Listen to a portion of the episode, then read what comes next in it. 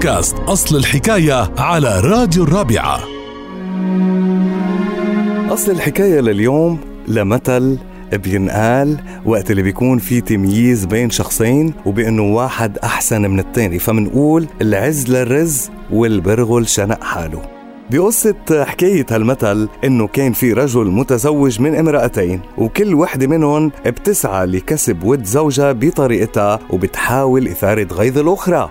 وبيوم من الأيام قررت الزوجة الصغيرة إنه تطبخ له برغل على العشاء وهالشي لتكسب محبة زوجها. بينما الزوجة الكبيرة وهي صاحبة الخبرة والإدراك للأشياء اللي بحبها زوجها من أصناف الطعام تحديدا فقررت تطبخ له طبق من الأرز على العشاء. وقت اللي رجع الزوج من عمله وصار وقت الطعام قدمت كل من الزوجتين الطعام اللي حضرته للعشاء.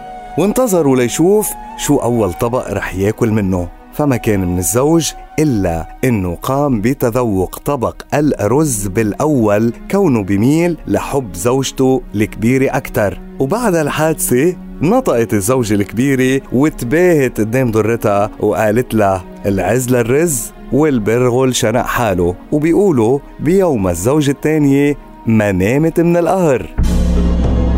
لتتعرفوا على مزيد من أصل حكايات الأمثال تابعونا على بودكاست الرابعة أصل الحكاية.